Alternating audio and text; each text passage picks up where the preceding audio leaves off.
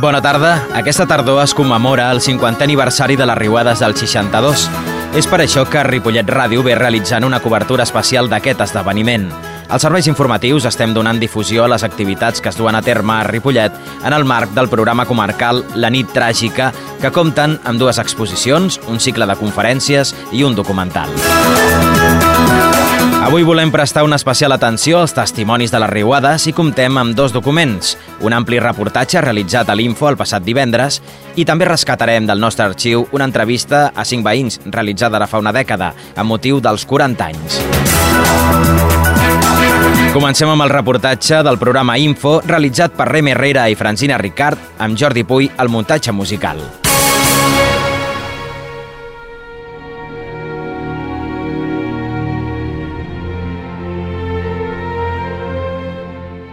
Fa 50 anys el Vallès va viure una de les tragèdies més grans de la seva història. El 25 de setembre, el cel es va posar rabiós i va començar a ploure a causa d'una gota freda. En poques hores, els rius i rierols compresos entre les valls del Tenes i la vall del Llobregat es van veure sorpresos per una quantitat d'aigua que el van fer sortir de mare i pràcticament va afectar totes les poblacions per on passaven. L'aigua va deixar al seu pas un miler de víctimes en tot el seu recorregut i pèrdues econòmiques de més de 2.600 milions de les antigues pessetes. Aquell 25 de setembre, el cabal del riu es va multiplicar ràpidament. El Ripoll no va poder canalitzar els 2.000 metres cúbics que va rebre per segon al seu pas per Ripollet. I en qüestió de molt poc temps, eh, resulta que l'aigua fora al carrer arribava a un metro d'alçada. Com que eren unes cases de planta baixa que per darrere quedaven penjades i no hi havia sortida, doncs eh, bueno, ens vam trobar impotents. Obrir la porta, que eren unes portes de fusta molt grans, eh, feien de contenció de l'aigua. Doncs ja, l'únic que vam poder fer és tallar els barrots de la finestra per si podíem escapar-nos, però quan veies i miraves eh, era inimaginable, no t'ho podies imaginar. Era un mar d'aigua. Des de l'antiga Creu Roja que hi havia en el carrer de l'estació, en el que ara és el carrer de l'estació, que era de la Creu Roja, arribava fins a la pujada de l'església el que ell diu, eh, com els llampecs, és quan et donaves, eh, feies càrrec de, de, de la immensitat de la tragèdia. A Ripollet es van dur 12 vides i va causar nombrosos danys materials, entre ells la destrucció de més d'una decena de fàbriques, la majoria tèxtils i de paper, i de 36 habitatges que van restar destrossats total o parcialment. Els dies posteriors es van presentar 118 sol·licituds per pèrdua de bestiar i terres de conreu l'aigua per sota anava socavant i anaven, anaven caient les màquines cap a dintre el riu i anaven caient els presseguers. Vull dir, conforme el riu es anava menjant el terra, anava agafant el, el seu causa, doncs eh, es anaven portant d'una banda els presseguers i d'altra banda les fàbriques que li feien, no sé si, la, recordo, tinc la imatge de veure caure els telers a dintre l'aigua, cada vegada que caia un, aquell home semblava que li, se li emportés una mica del seu cor. I veies passar les bales de paper del molí, que baixaven del molí, que es diu, o deien que pesaven uns 700 quilos, les veies com passaven surant pel carrer i marxaven per lo que ara és el carrer Verge de Montserrat i tornaven cap al riu una altra vegada. Quan encara no s'havien sobreposat de la desgràcia, el 4 de novembre de 1962 es produïa la segona riuada que es va endur al Pont de Pedra, única via d'enllaç entre el nucli de Ripollet i el que ara coneixem com a barri del Pont Vell. Encara tornaria a ploure amb força tres dies més tard. La desolació i l'horror viscut aquella nit i els dies posteriors va tenir com a contrapunt l'escalfor i la col·laboració ciutadana vers aquelles persones que ho havien perdut tot. Quan per punxar hi va anar el meu fill, jo també punxava amb la meva bona voluntat, vaig ser la, la practicanta sense ser-ne. Tots els que venien a buscar, jo vaig acabar la tila, vaig acabar totes aquestes coses, perquè tothom estava espantat i, i, i un desastre, va ser un desastre molt gros i molt, no sé, de por. L'ajuda va arribar no només dels veïns i veïnes, sinó també de la Creu Roja, Càritas Parroquial i campanyes benèfiques com les de Ràdio Barcelona. Quan a les ajudes institucionals es van posar en marxa la Junta Distribuïdora de Fons però damnificats, que va fer front a part de les pèrdues, tot i que algunes de les ajudes mai van ser pagades. Pel que fa als habitatges, molts dels afectats van acabar per buscar-ne un altre ells mateixos, donat que vuit anys després encara no s'havien acabat.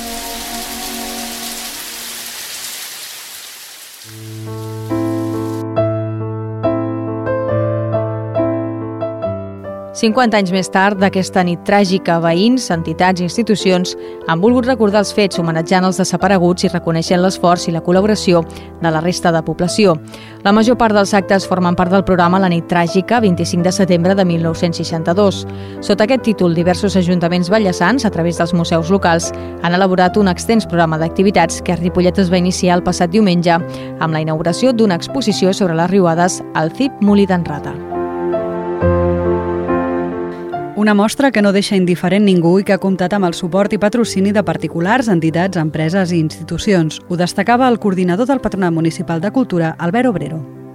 Quan preparàvem aquest espai és una barreja en part ja d'un record de la història de Ripollet i una barreja d'emocions. I així és com hem intentat produir. Esperem que us agradi. Avui ens acompanya empreses col·laboradores gràcies a les quals ha estat possible tirar endavant aquest projecte Baricentro, Sistemes de Control i Fundació Endesa especialment el patrocini de la Fundació APA per l'empenta, per l'acompanyament i per l'escalf. I finalment a la Diputació de Barcelona per la seva feina quotidiana al nostre costat i especialment també amb aquest projecte. L'exposició no només vol explicar els fets i les seves conseqüències, sinó que també retre un homenatge als afectats i especialment a les víctimes. Ho explica la tècnica de patrimoni Helena Vilalta.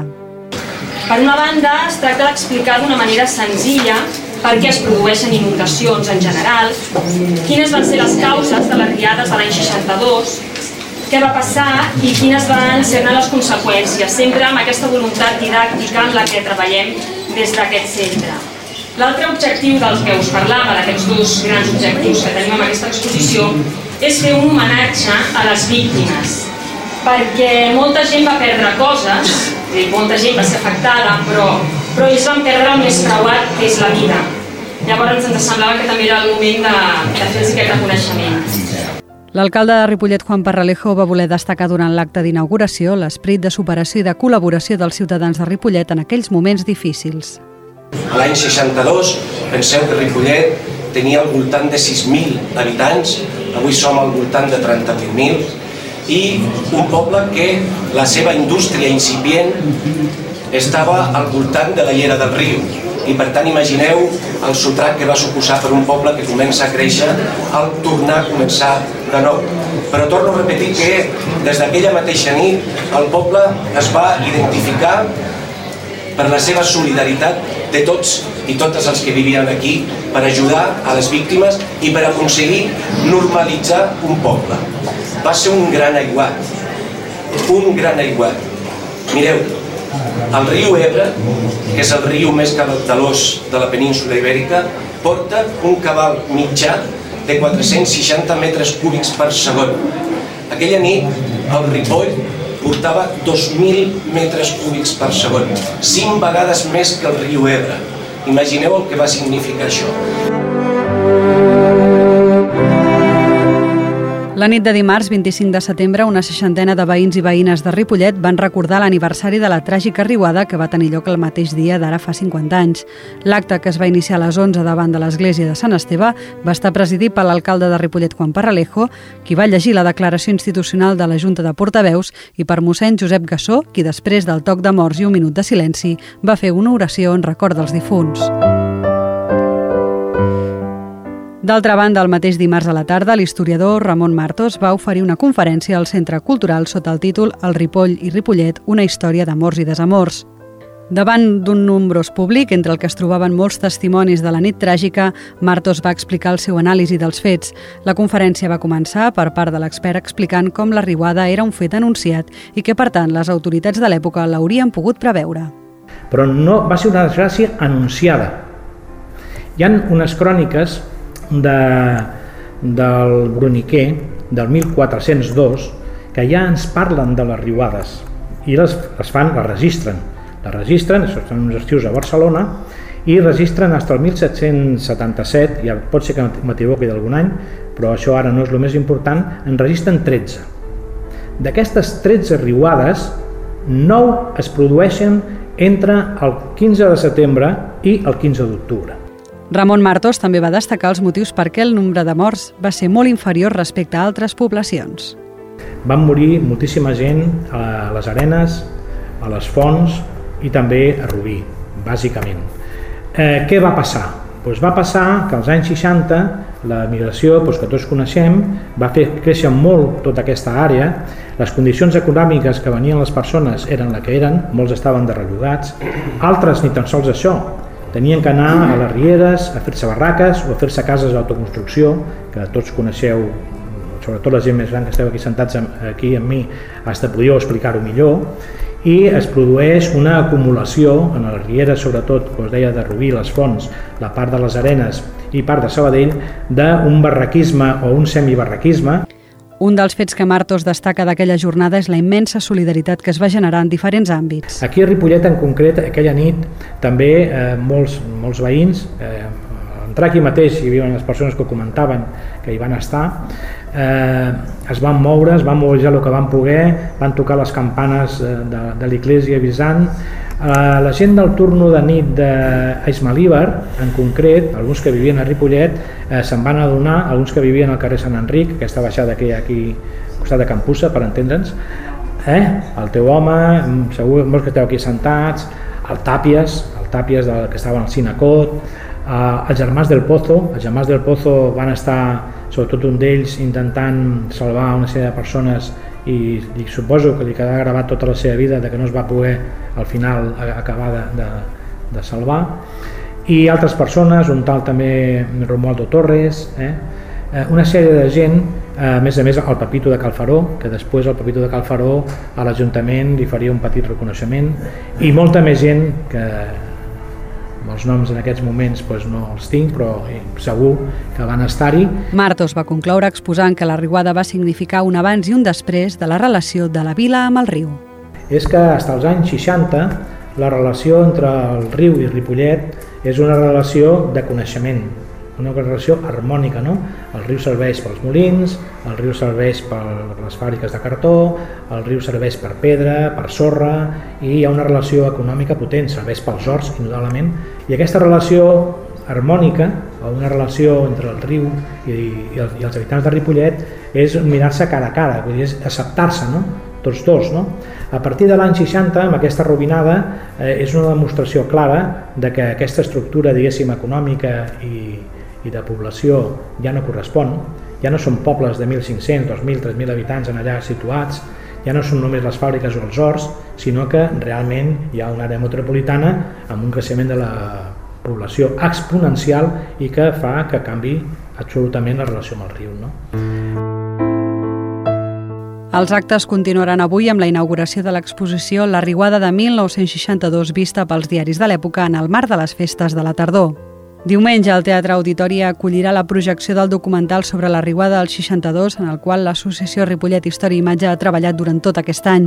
Ramon Argenter, un dels encarregats del projecte, explica com han elaborat el documental. Uh, aquesta, aquest documental volia la gent, podem dir que no es pensin que és una pel·lícula, per dir, hem fet una pel·lícula, oh, que que ho han fet, no. Hem fet un documental amb tota la gent que d'una manera o altra van perdre víctimes en aquesta desgràcia d'ara fa 50 anys, no? Han fet un total de 28 entrevistes, tots eh, gent afectada, uns amb, amb la pèrdua de familiars i els altres perquè es van veure afectats, diguéssim, a la pèrdua de la casa o dels dos que tenien o de la viram que tenien. El documental compta amb imatges i vídeos de l'època i entrevistes personals. Cayetano Porres explicava també què és el que volien mostrar en el seu treball. Bueno, en el documental lo que sí veremos el Ripollet de aquella época, porque por suerte la familia de la familia Hernández eh, cedió unas imágenes en 16 milímetros que a través de, de la, de la mm, Filmoteca de Cataluña nos la han pasado para poderla digitalizar. Y se ve pues mm, lo mismo que vemos en la fotografía, pero en imágenes reales. Y realmente se ve cómo estaba la gente, cómo funcionaba y todo era normal. Bueno, normal entre comillas, ¿no? Pero la vida sigue.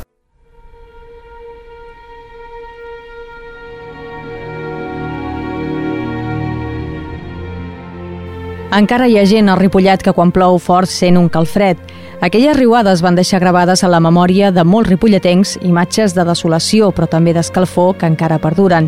A motiu d'aquest 50è aniversari són molts els que han explicat la seva vivència recollida en escrits i imatges que des de fa mesos podem anar veient als mitjans de comunicació. Nosaltres també hem volgut posar el nostre granet de sorra per recuperar un record i una valuosa informació que forma part de la història local de Ripollet.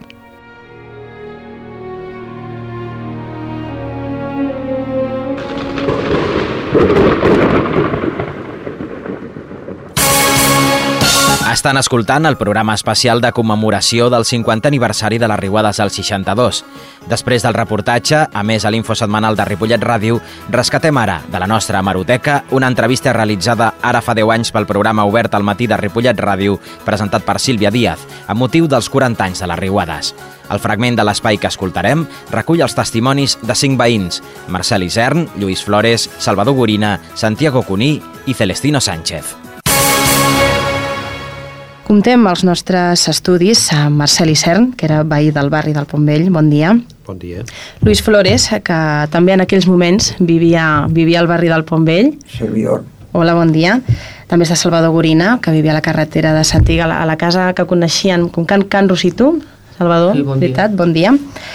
També Santiago Cuní, que vivia al, i viu encara, veritat, al carrer del Padró, i també comptem amb qui fou, amb qui fou alcalde de Cerdanyola, Celestino Sánchez, que era veí del nostre municipi aquell, aquell, aquell any, veritat? Veritat, sí. Hola, bon dia. Han passat 40 anys de, de les riuades, un dia que tots vostès recorden. Com, com van viure aquells moments? Què recorden? El primer record, què estaven fent aquella nit? A veure, com, qui comença? Celestino. Mira, jo mateix. Jo començaria pel dia abans. El dia abans jo treballava a Barcelona, eh, molt a la plaça Catalunya, i recordo que venint, que va començar aquella, el, aquella mateixa tarda, i em vaig trobar amb el que llavors era capellà de Ripollet, i ens vam amagar dintre d'una fusteria que hi havia al carrer Concessió Renal abans d'arribar a la Diagonal. I al vespre, el que recordo al primer moment pues és que estaven dormint tranquils i de cop i volta doncs eh, vivíem a casa de la, de la sogra i ens pica la porta i ens diu que estava plovent molt. Obrim un balcó i veiem com si fos... un- No, en comptes Vostè vivia allà, allà baix, per on hi ha el, ara, mateix, ara el pont de la Ferreria, oi? Sí, jo vivia en una masia que hi havia allà que es deia la Calpí de Pagès. O sigui, un camí que havia, venia a Ripollet, que li dèiem el camí de les Moreres, i estàvem al mig del camp, hi havia una plantació de presseguers molt gran, i ja dic, el primer que, vaig, que vam veure era l'aigua pràcticament que arribava a la creueta de, de, de tots els arbres, més que un riu semblava un mar. No veiem res perquè estava tot a les fosques, però quan feien aquests llampecs, doncs veies de moment fins a Montcada pràcticament tot il·luminat i tot era aigua i aigua i sentíem els crits de la pobra gent d'aquesta banda del riu, dels molins de cartró, de, dels crits de tot arreu que, que, bueno, que ho estaven passant molt malament. Els veïns de, de Pontvell, Marcel, Sí. Lluís. Eh, bueno, el que ell acaba de dir doncs, és algo semblant. Estàvem dormint, eh, el meu pare es va despertar, vull dir, ens vam donar compte de que teníem un pam d'aigua dintre casa i en qüestió de molt poc temps eh, resulta que l'aigua fora al carrer arribava a un metro d'alçada.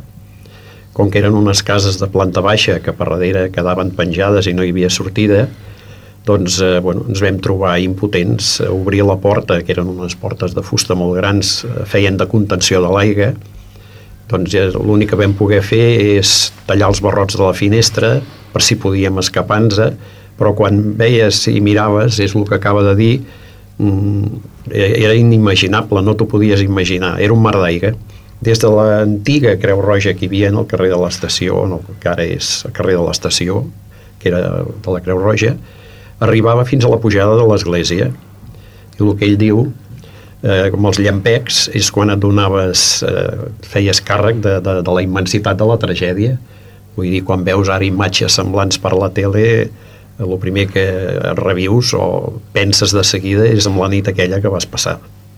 Que veien, com diu, com diu vostè, només veien quan de vegades hi havia un llampec, perquè era Sí, tot, era sí, tot sí, fosc. estava ¿Verdad, fosc Luis? completament. Pues sí, es que Si puede hacer, acérquese un poquito el micro, por favor. Gracias. yo, yo en sí no pasé la tragedia, porque aquella noche yo estaba, yo era receptor de Renfe, estaba descargando un barco norteamericano que había llegado con traviesas para Renfe. Estaban, mis padres estaban en casa aquella noche. Y estaba yo en el Serrallo, en el restaurante, en Cambrut, comiendo tranquilamente, cuando empecé a oír las noticias de lo que había ocurrido aquella noche. Entonces yo le dije al consignatario, mire usted, yo vivo, vivo cerca de ese río. Por lo tanto, yo me voy a dejar el trabajo y me voy a mi casa. No facturaré vagones. Bueno, me vine a Barcelona y como no había trenes para venir a Tarrasa, pues cogí un taxi en Barcelona. Y yo en el camino le iba explicando al taxista, pues no sé si me habrá sucedido algo o no, porque están solo mis padres, porque mi señora con dos gemelas que tenía estaban en Palencia. O sea, estaban solo los abuelos. Pero cuando llegué aquí a los cuatro cantones, estaba la Guardia Civil y al bajar el taxista dice, no, no puede, ir, no puede pasar hacia Ripollet, deje el taxi aquí, dice, que traigo? Me, me, conocían, claro, los guardias, vivíamos enfrente, yo, el cuartel estaba enfrente de mi casa. Dice, pues bajaremos andando. Y cuando bajaba por la Cruz Roja, abajo, lo que era mi casa, estaba llena de gente allí agrupados todos por curiosidad mirando, porque él tenía una verja, era como una torre antigua, había una verja de hierro y a los lados estaban las puertas de hierro. Y yo le dije, me da mala espina porque a todo aquel personal está mirando en mi casa. Bueno, y cuando llegué allí, estaban mis padres entre el fango, buscando objetos y cosas, con dos hijos de, un guardia civil, que, que, aún viven. El otro día vi a los dos hijos que tenían 14 y 12 años. Y fíjese usted la, reacción que le dio al taxista, que cuando le quise pagar, digo, a ver, ¿qué le debo de la carrera? diciembre. ¿Cómo me va a pagar? Usted cree que yo tengo cara para cobrarle la carrera. El taxi es mío, no le cobra a usted nada. Y me acordaré toda la vida de lo que estoy presenciando ahora. Porque ya le digo, estaban mis padres de barro, mis madres valentes, con las uñeras todas manchadas de barro. Y después mis padres, pues me contaron lo que pasaron aquella noche. Estaban durmiendo y cuando empezó a llover, pues claro, rompió la puerta al agua y se fue toda la luz. Y mis padres quisieron bajar, pero cuando faltaban siete escaleras, siete escaleras para llegar abajo, mi padre pues, pues vio el agua, oh, que corría el agua por, por, por, abajo. Entonces se asomaron al balcón que daba enfrente de la Guardia Civil y con una linterna les enfocaron. Y el señor Flores dice, no se muevan, esténse ahí que si no se lleva a la casa no les pasa nada, pero no se les ocurra bajar. ¿eh? Y nada, y esa fue la tragedia. Después eh, volvemos a usted, eh, Santiago Cuní. Hola. Què estava, què estava fent vostè aquell dia? Pues bé, eh, jo en aquell dia estava ja, ja m'havia anat a dormir i havia comentat que el dia de la Mercè va estar plovent, però el dia 25 tot, tot el dia plovent, però amb aquella força, oi? I dues hores, eh, va estar dues hores eh, per allà a les 10, però com si tiressin gallades d'aigua, i el tro i el llamp no parava. I, bueno, em van avisar, em van venir a trucar, bueno, em van trucar. La meva germana va venir i va dir, diu, mira que tenim l'aigua eh, a dintre casa. Llavors vam baixar i sí, efectivament. I com s'ha dit aquí, els llamps donaven claror i veiem tot com un mar, des de la font del Patricó fins a l'església quasi bé. I mira, i va ser això. Salvador tenia, Salvador Gorina tenia 12 anys, veritat? Sí, tenia 12 anys, sí. I vivia a Can Rosito? Sí. I recorda que l'aigua va pujar que gairebé totes les escales. Perquè tenia 17, perquè va arribar a la 15, veritat? Sí, Ens sí. explicava l'altre dia que parlàvem amb Salvador sí, sí, sí. Gorina. Bé, jo que recordo d'aquell dia, mm, segons em diuen va estar plovent pràcticament tot el dia i el terra doncs ja estava prou mullat que ja no engolia més aigua. Cap al vespre sembla ser que es va posar doncs, molt fort, tal com diu el senyor Santiago Cuní, i me'n recordo que el meu germà treballava a Sabadell i venia amb el darrer tren. Acostumava aquest darrer tren sempre a arribar tard, sempre anava amb retard i això, però aquell dia em sembla que va arribar doncs a l'hora. I a casa els meus pares patien, patien perquè veien que allò plovia i plovia i plovia. I el meu pare ens va dir que, bueno, que anéssim a dormir. No sé quina hora seria, però segurament les 10, les 10 de la nit o així, no? I en arribar el meu germà, doncs van trigar poc, jo no sé si va sopar, però ens en vam anar tots cap a, cap a dormir, cap al llit. Bé, eh, estàvem al llit, em sembla, i jo me'n recordo d'un terrabastall molt fort que va ser l'arribada de l'aigua que va llançar doncs, d'arribar a les, les portes de casa. No? Jo crec que va ser una tromba tan forta que l'aigua és que va venir de sobte, de sobte, no? I sí, i en aquell moment, bé, la cronologia no la conec molt bé si ja estàvem vestits mm -hmm. o no, però el meu pare ens va dir que ens vestíssim. Jo crec que ell intuïa alguna cosa. Aquella nit intuïa alguna cosa. I bé, me'n recordo que estàvem mirant allà precisament al meu quarto, miràvem per la finestra, no? Hi havia mol, molts llamps, i el que diuen aquí els senyors que estan aquí, doncs que era un mar d'aigua, és veritat. L'horitzó o el que es podés veure aquella nit baixa, era tot aigua, sí. Sí, aigua... Nos, nosaltres dormíem a dalt i aquesta va ser la sort, que dormíem a dalt, perquè si haguéssim estat dormint a baix, doncs no ho haguéssim comptat. És a dir, que vam tenir sort. Quines imatges tenen d'aquella nit? Ja no només de casa seva, sinó van sortir, van sortir de casa? No, jo no. Jo, nosaltres eh, bé, vam tenir la sort potser millor que no pas aquests companys que ens acompanyen aquest matí, perquè va arribar, l'aigua va arribar just a les parets de la casa, però no va entrar pas a dintre. Era una casa de pagès, llavors hi havia molt camp i no van, no van entrar. Perquè aigua sí que diuen que gairebé a totes les cases de Ripollet sí que va entrar. Sí, tots els baixos és, és, tots els baixos, sí. és normal sí. i és lògic, però nosaltres, com que era una casa de pagès, doncs hi estava més aixecada, bastant més aixecada que el riu, recordo que arribava l'aigua fins on comença la, la creu dels arbres, però en canvi a casa no, no ens va arribar. El que sí recordo jo, no, sembla que va ser a la segona arribada, el dia següent, o al cap de dos dies, quan va caure el pont de Ripollet. És el novembre, sí, al cap d'un mes. Cap d'un mes. Això mateix, quan va caure el pont de Ripollet, això sí que ho recordo. I al cap de pocs dies, jo havia treballat pues, de bastant jove, no havia fet la mili, a una, una empresa de Ripollet que es deia Textil Victòria, i hi havia, era una fàbrica de filatures i telers que hi havia que tocava el riu. I, pues, eh, no sé, un parell de dies després, l'amo de la fàbrica dels telers estava a l'altra banda, al camí de les Moreres, i jo també m'hi vaig acostar perquè pues, bueno, tenies eh, un, un cert carinyo al lloc que havies treballat i veies com anava l'aigua per sota, anava socavant i anaven, anaven caient les màquines cap a dintre el riu i anaven caient els presseguers. Vull dir, conforme el riu es anava menjant el terra, anava agafant el, el seu causa, doncs eh, es anaven portant d'una banda els presseguers i d'altra banda les fàbriques que li feien, no sé si, la, recordo, tinc la imatge de veure caure els telers a dintre l'aigua i cada vegada que caia un, aquell home semblava que li, se li emportés una mica del seu cort. La imatge, el riu portava no només el que trobava a Ripollet, sinó que venia carregat sí. també de, de, per davant de, per davant de que venien de Sabadell, sí, per davant de casa, Vull dir, ja t'he dit que l'aigua arribava al nivell de la finestra, o sigui que era impossible sortir, i veies passar les bales de paper del molí, que baixaven del molí, que es diu, o deien que pesaven uns 700 quilos, les veies com passaven surant pel carrer i marxaven per lo que ara és el carrer Verge de Montserrat i tornaven cap al riu una altra vegada.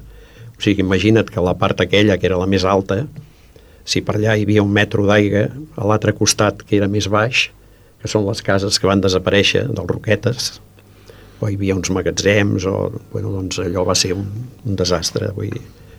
I, bueno, estaves incomunicat. I aquí ens ha explicat que també veia persones que venien de...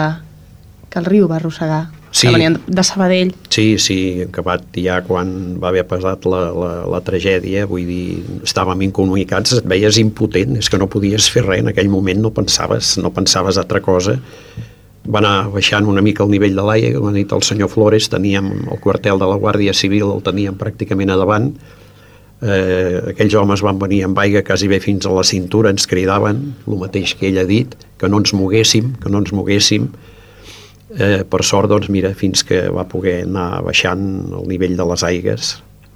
Les persones que van estar afectades, quins ajuts van rebre per contra els que no estàveu tant? Vau sortir, vau intentar col·laborar? Expliqueu-nos com va ser això. Van muntar una oficina a Ripollet, els damnificats. Que va... Aquella nit, o Ah, la sí. nit posterior, on vau dormir, ah, bueno, per eh, exemple? Bueno, tu vols dir després, a la nit de sí. després. pues no, nosaltres... Eh, Si és que es podia dormir, no? Sí, bueno, dintre On es vau allotjar? Cap, ens vam allotjar, conti- vam continuar a casa. Vau poder Vam continuar, continuar a a casa. casa. Salvador, no, veritat? Vau estar No. a casa d'uns No, jo, coneguts? jo continuant aquella nit, el que he dit abans, el meu pare ens va fer vestir, perquè jo crec que intuïa doncs, alguna cosa, no? I bé, estàvem vestits i me'n recordo que mirava per la finestra i entre llamp i llamp mm, vaig veure... bueno, no vaig veure, entre un llamp i un altre vaig veure que la casa de Can Roqueta hi era i amb un altre llamp doncs ja no hi era.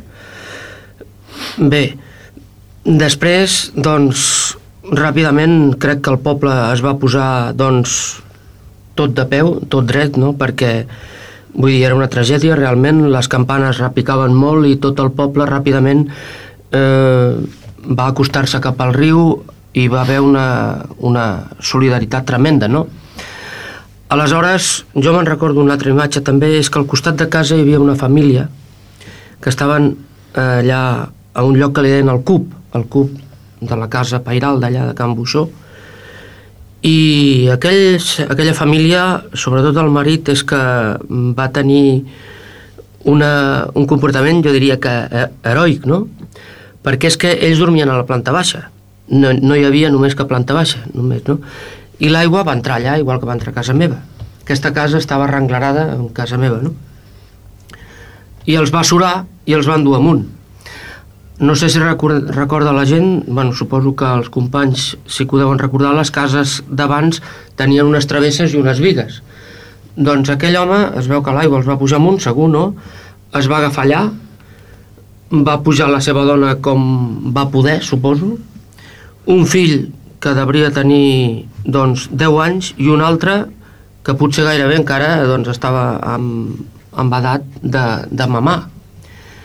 I aquell home es va agafar allà com un tarzan o alguna cosa, va fer un forat al sostre, es va passar al sostre de casa meva, me'n recordo que de cop vam veure que algú, o van veure els meus pares, arrencava les teules i eren ells. I els van posar a l'armari, van baixar i tots van entrar a casa meva.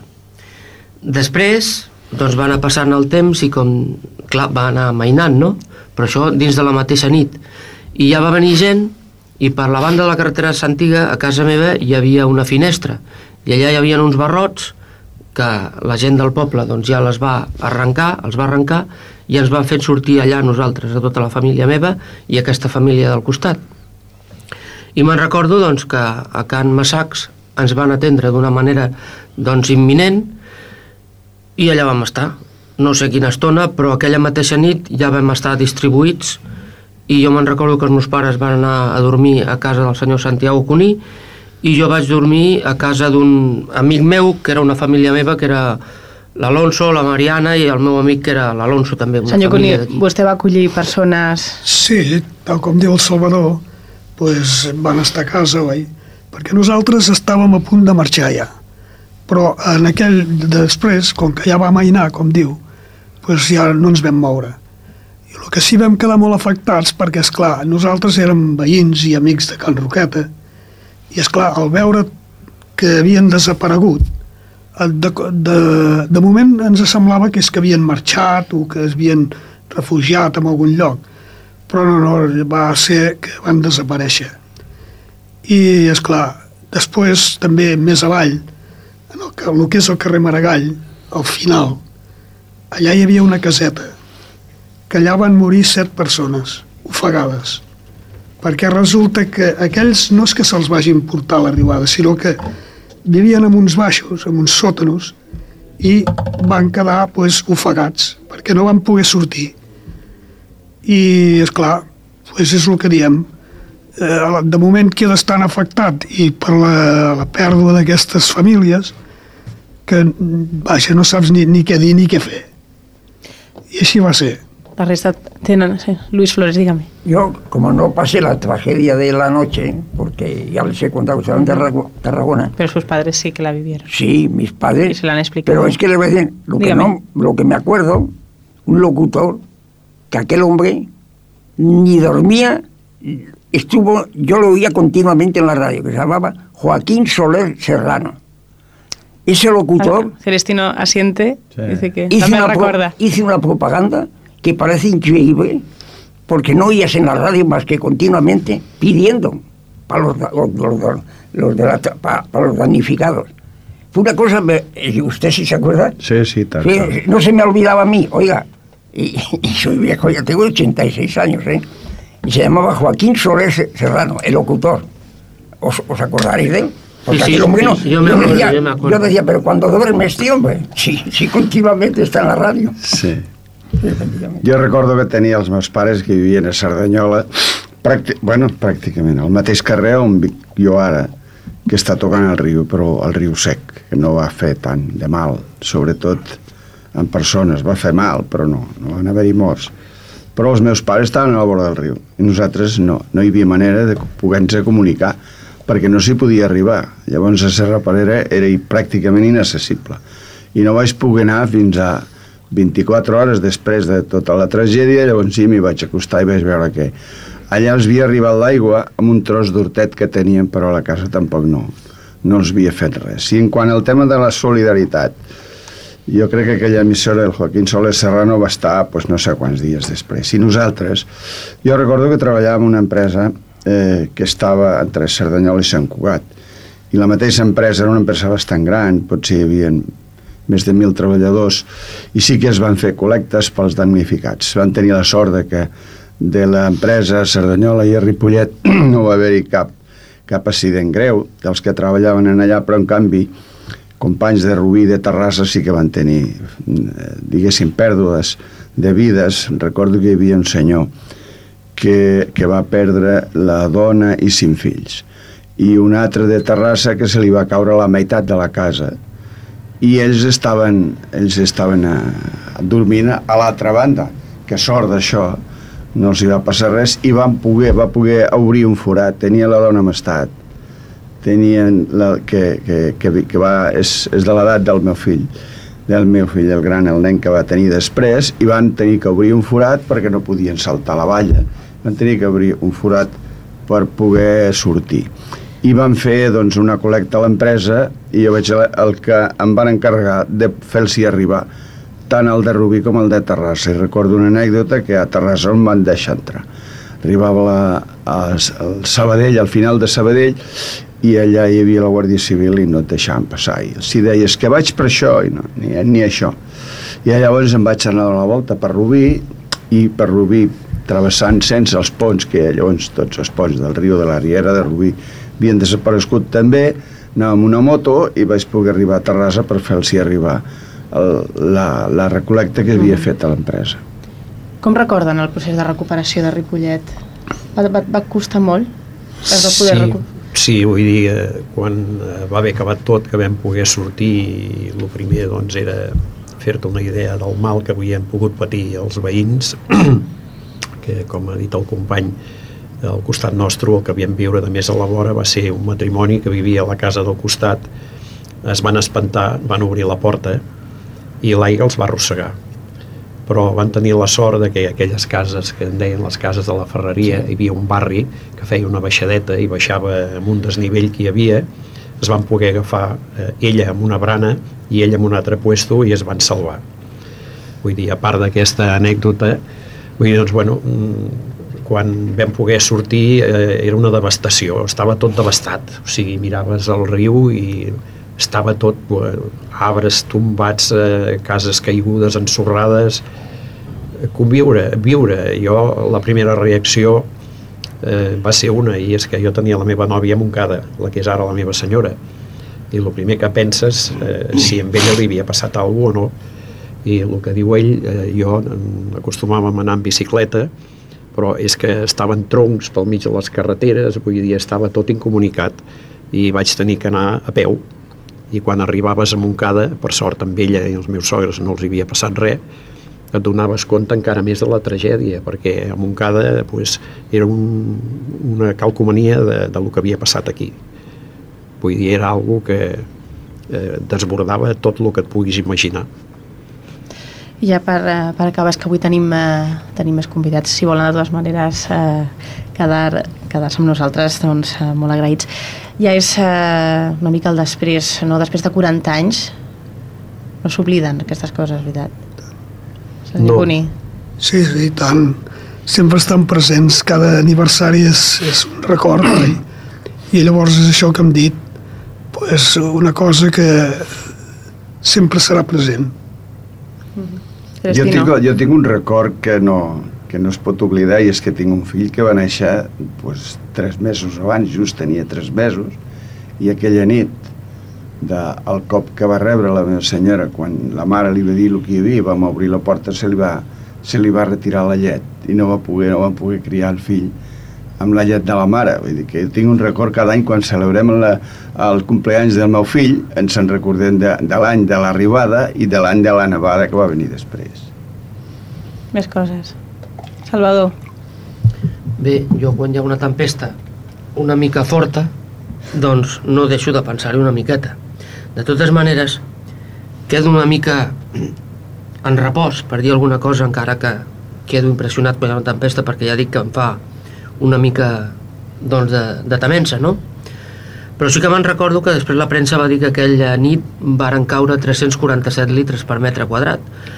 Clar, jo d'ençà cap aquí no recordo cap notícia que una tempesta hagi arribat a la magnitud que va tenir aquella nit. Evidentment ara les infraestructures estan més ben preparades que abans i probablement doncs, si en caiguessin, caiguessin 300 doncs a lo millor no farien tan mal però si és veritat és que a les voreres dels rius està ple de fàbriques i d'habitatges i no sé, no sé pas què passaria. Una altra qüestió és que ja, per acabar, que tenim convidats també que estan esperant per continuar parlant de, de les riuades.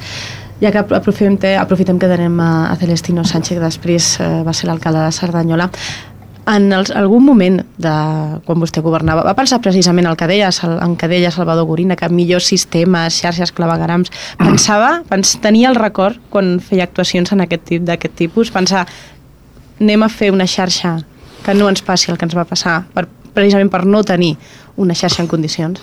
A veure, jo penso que vam tenir la sort després de fer les xarxes totalment diferents de lo que hi havia.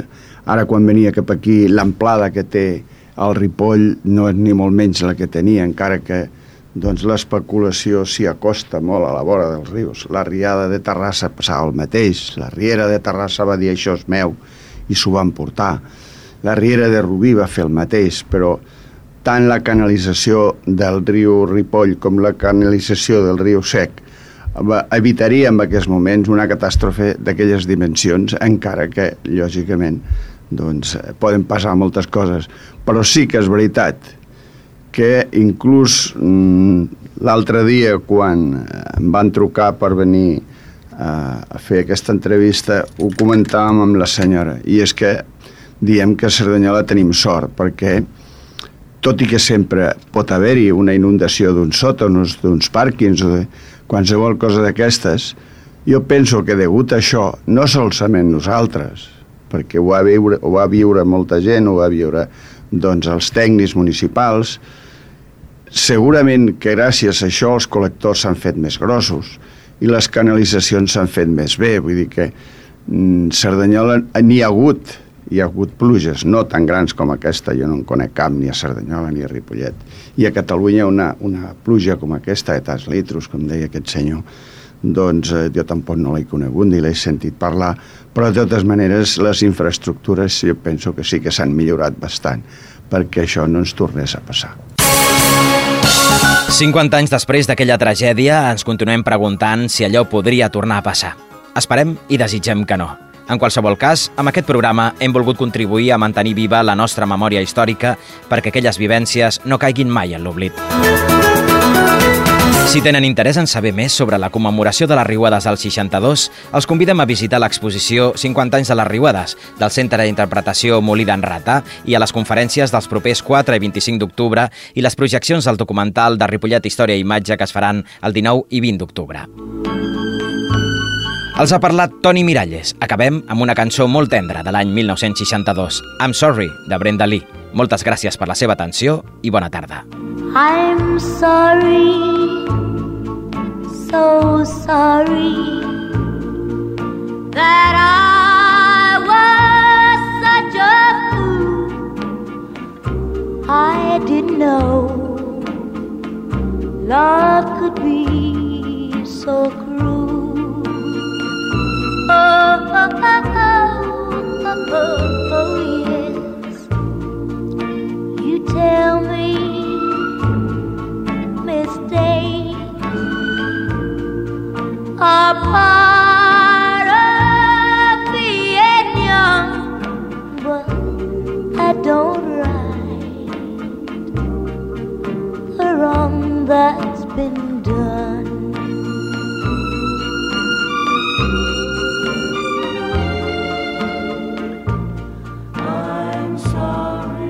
Sorry. So sorry. Please accept my apology. But love is blind, and I was too blind to see. Oh, oh, oh, oh, oh, oh, yes. You